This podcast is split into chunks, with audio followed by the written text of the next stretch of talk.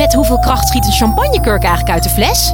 Ja, het is feest bij Quest. Al twintig jaar serieus leuk, met nieuwsgierige vragen en antwoorden uit de wetenschap. Zo maken we Nederland elke dag een stukje slimmer. Nu in de winkel en op quest.nl. Hey daar, welkom in de wonderwereld van de wetenschap. Ik ben Sophie Frankemolen en wat fijn dat je weer luistert. Welkom. In deze aflevering iets waar 50% van de bevolking mee moet dealen. Menstruatie. En dat is voor de meesten geen pretje. En dat is ook niet zo gek, want iedere maand trekt de baarmoeder samen met een kracht tot wel 175 mm kwikdruk. En dat is vergelijkbaar met een strak opgepompte bloeddrukmeter. In dit college vertelt gynaecoloog Berto Nieboer van het Radboud UMC er alles over. En hierna kijk je nooit meer hetzelfde naar een menstruerende medemens. Dit is de Universiteit van Nederland. We gaan het hebben over menstruatiepijn en mannen niet direct wegzeppen of doorscrollen. Als jij denkt dat het jou niks aangaat, dan heb je het mis. Menstruatie kan namelijk een grote invloed hebben op je relatie of je seksleven. Maar ook als je samenwerkt met een vrouwelijke collega en jullie hebben vergaderingen of strakke deadlines gepland precies tijdens haar menstruatie, dan kan die ongesteldheid een rol gaan spelen.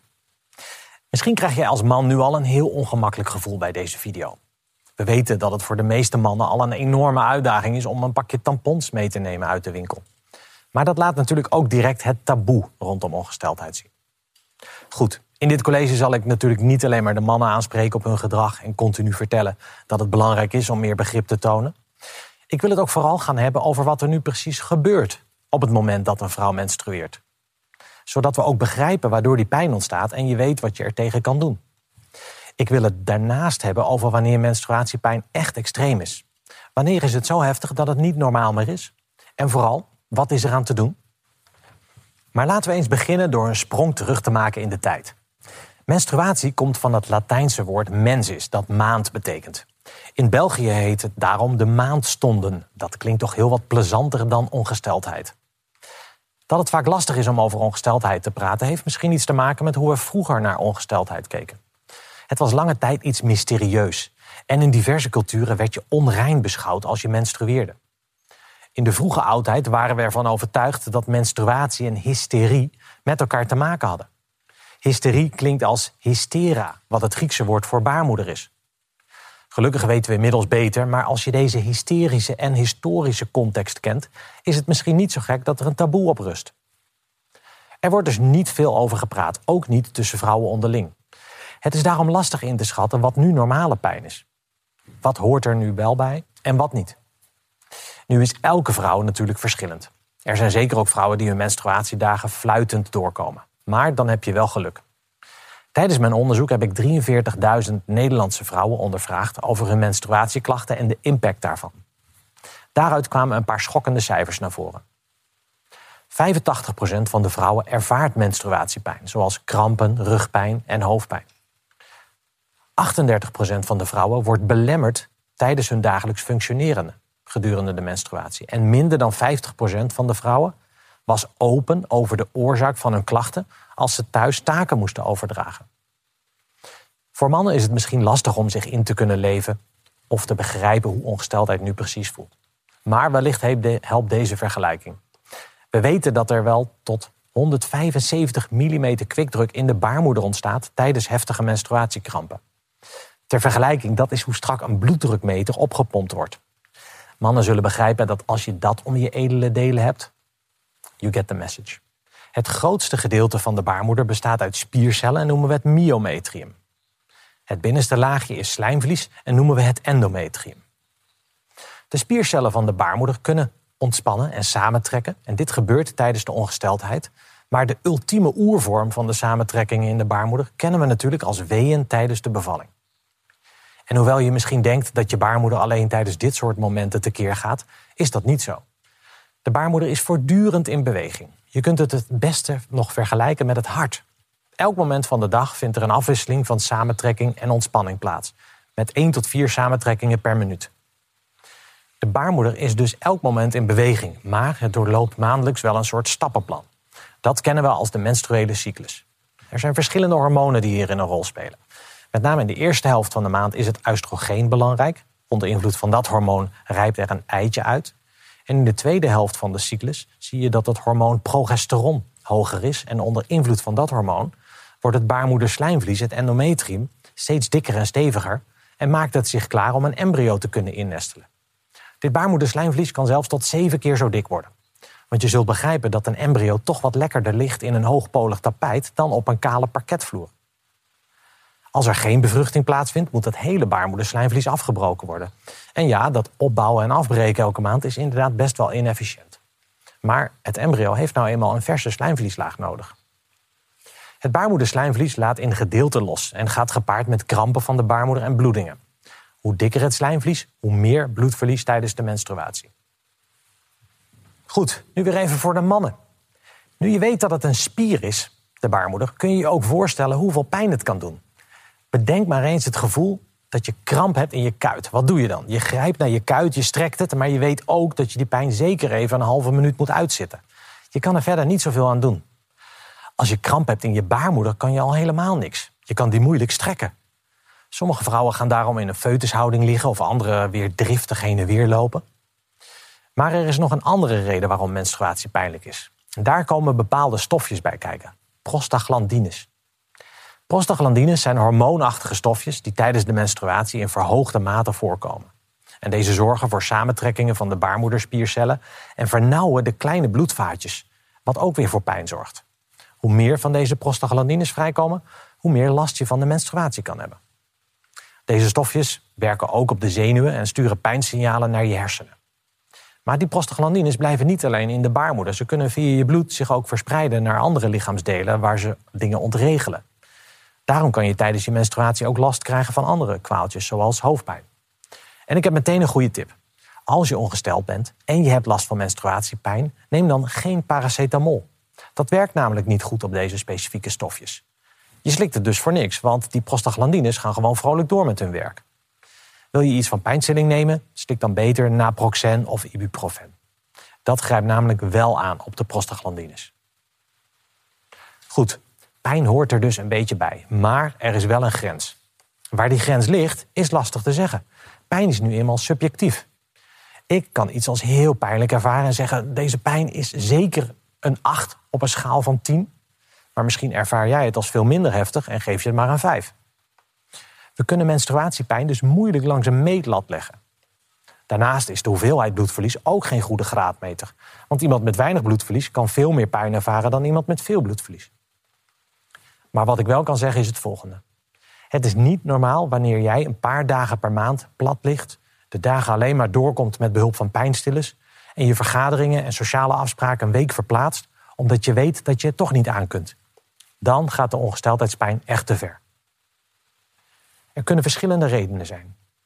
Het kan zijn dat er in jouw geval te veel van het hormoon prostaglandine vrijkomt. Maar ook een veel voorkomende oorzaak voor heftige menstruatiepijn is endometriose. Dat klinkt als endometrium. Dat is niet voor niks. Bij endometriose zitten er endometriumachtige cellen op plekken waar ze niet horen, zoals op de buitenkant van de baarmoederwand of aan de eierstokken.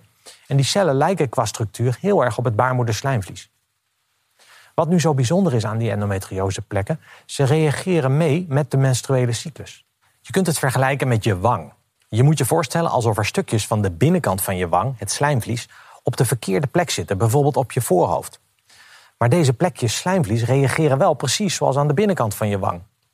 Stel je zit in een restaurant, je hebt vreselijke honger en de ober verschijnt eindelijk met het eten. Dan begint er zich in het binnenste van je wang slijm te produceren. Dat is normaal. Maar nu gebeurt dat dus niet alleen aan de binnenkant van je wang, maar ook die plekjes op je voorhoofd reageren mee. Het druipt dan speeksel vanaf je voorhoofd naar beneden. Dat is precies wat er gebeurt bij endometriose. Er zitten stukjes baarmoederslijmvliesachtige cellen op plekken waar ze niet horen. Tijdens de menstruatie zien we dat die cellen dus ook reageren op de hormoonschommelingen in de menstruatiecyclus. Tijdens de menstruatie zullen er ook in deze plekjes kleine bloedingen en ontstekingen ontstaan. Want, zoals gezegd, deze cellen reageren mee op de boodschap van het lichaam om het slijmvlies af te stoten. Die endometriose plekken kunnen dan voor een flinke pijn zorgen. Als die plekken bijvoorbeeld op de buitenkant van je baarmoeder zitten, kunnen ze ook voor verklevingen zorgen. Vergelijk het met een glas cola dat je over een boek laat vallen. Die bladzijden gaan dan ook vrij snel aan elkaar vastzitten.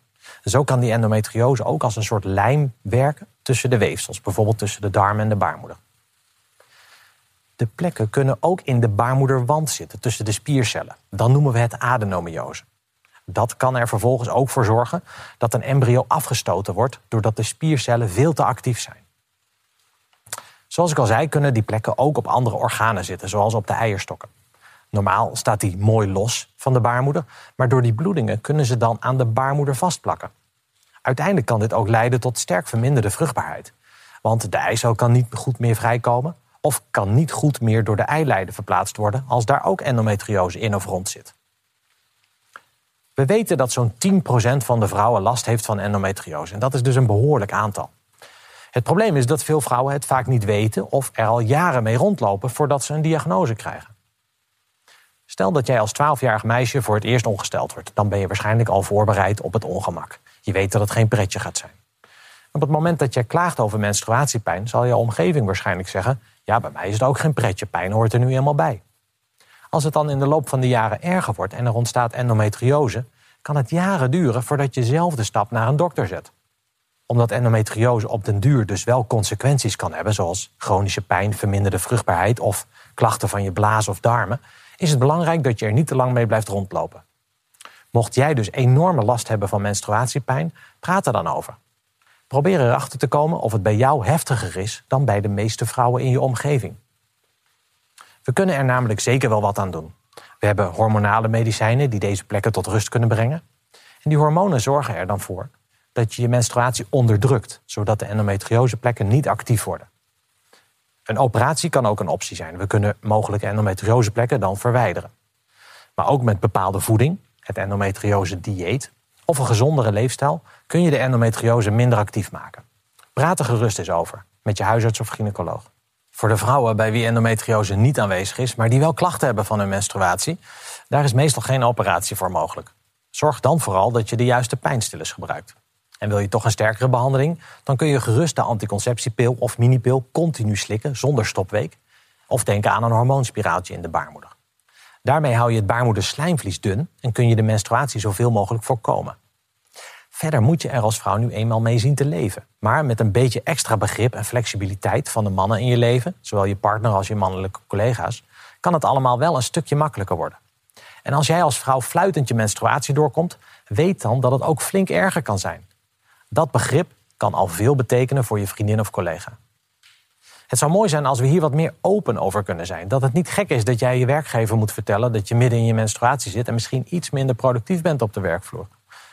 Er is tegenwoordig zelfs een menstruatie-emoji. Die zou de communicatie via de app wat makkelijker kunnen maken. In Nederland zetten bijvoorbeeld de menstruatiemeisjes en de Endometriose Stichting zich in voor meer openheid en bekendheid over menstruatieproblemen. Er zijn zelfs al landen die werk hebben gemaakt van een officieel menstruatieverlof voor werkende vrouwen. Bijzonder genoeg zijn het juist landen als Taiwan en Rusland die hier heel vooruitstrevend in zijn. Vrouwen kunnen op deze heftige dagen hun werk flexibeler indelen en bijvoorbeeld thuiswerken. Dat lijkt me een goed streven. En voor de mannen, complimenten als je dit hebt uitgezeten. En als we eerlijk zijn, als het mannen waren geweest die hiermee hadden moeten dealen, hadden we al lang maandkalenders gehad waar standaard een week geblokkeerd was. Bedankt voor jullie aandacht. Dat was Berto Nieboer. Ik hoop dat je hebt genoten van de aflevering. En wil je nou nog even verder luisteren naar de wetenschap? Check dan vooral de rest van onze playlist, want we hebben honderden colleges voor je in de aanbieding. En er komen er elke week twee bij. Dus uh, tot de volgende!